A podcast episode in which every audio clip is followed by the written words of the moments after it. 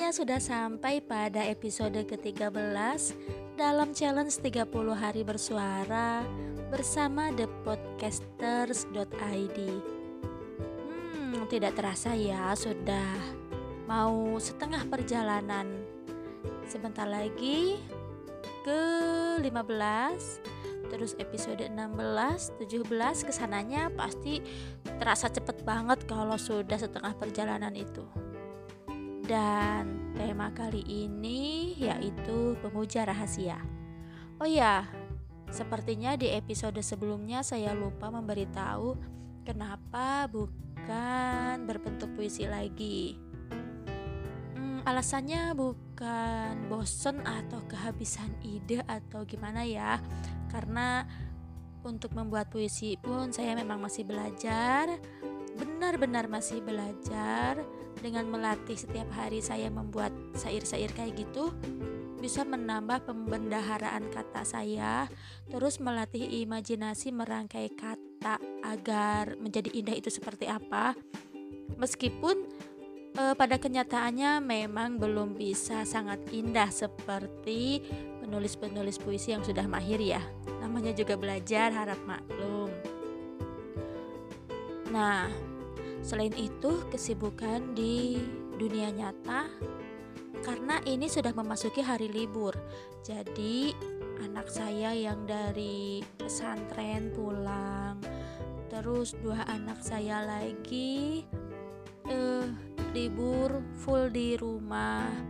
Meskipun kemarin-kemarin juga full di rumah ya cuman karena kalau ada pelajaran gitu meskipun lewat daring setidaknya kalau mereka lagi fokus mengerjakan tugas dari gurunya saya bisa bersuara seperti ini. Kalau sekarang benar-benar harus membagi waktunya harus pinter-pinter banget deh. Apalagi kalau udah waktunya saudara-saudara pada kumpul gitu di rumah orang tua.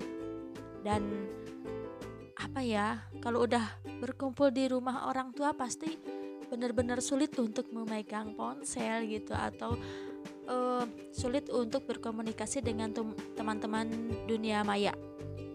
Nah, sebab itulah saya apa ya mungkin libur dulu untuk bermain kata melalui syair atau puisi.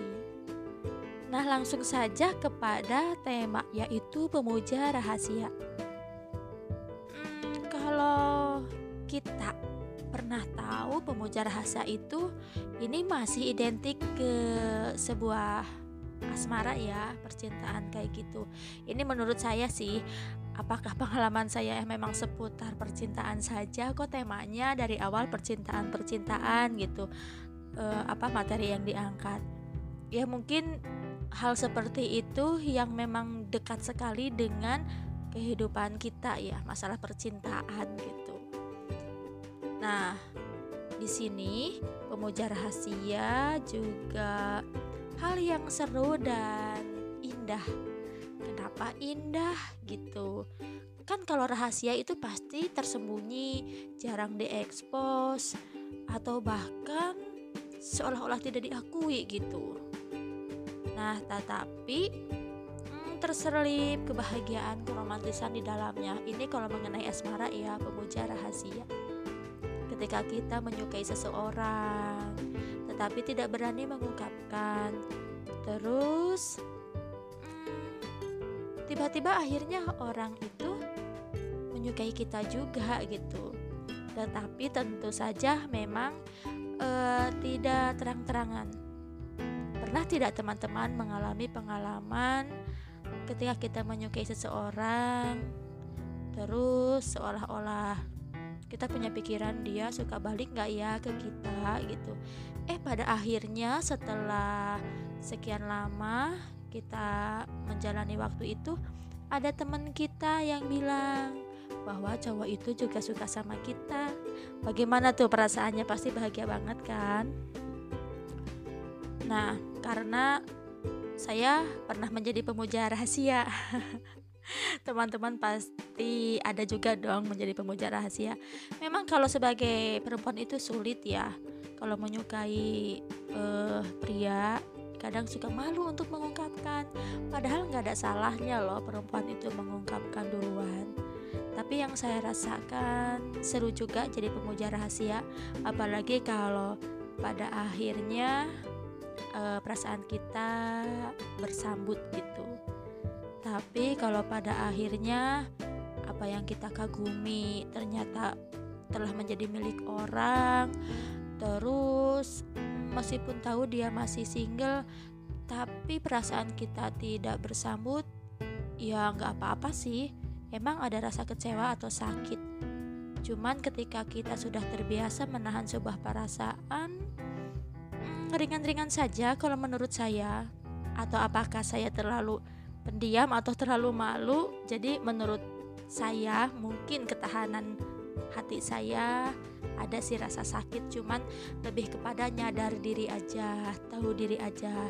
Ketika kita sudah lama mengagumi seseorang uh, biasanya ini terjadi di sekolah ya atau tempat kerja. Kita menahan gitu pengennya sih si cowok duluan yang apa kalau emang sama-sama ada rasa yang ngungkapin setidaknya kasih kode kayak gitu.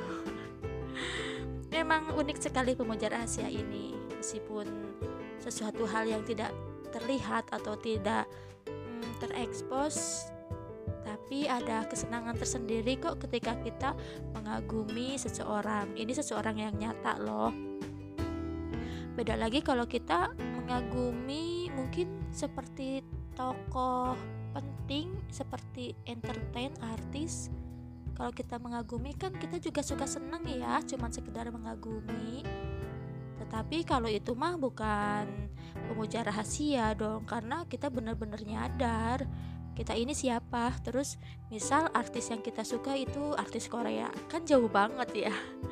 Nah sepertinya itu bukan pemuja rahasia kalau seperti itu menurut saya Nah, kalau pemuja rahasia di sini yang saya maksud yang biasa itu loh yang kita suka cuman malu-malu hanya bisa menatap dari kejauhan terus menikmati dari kejauhan.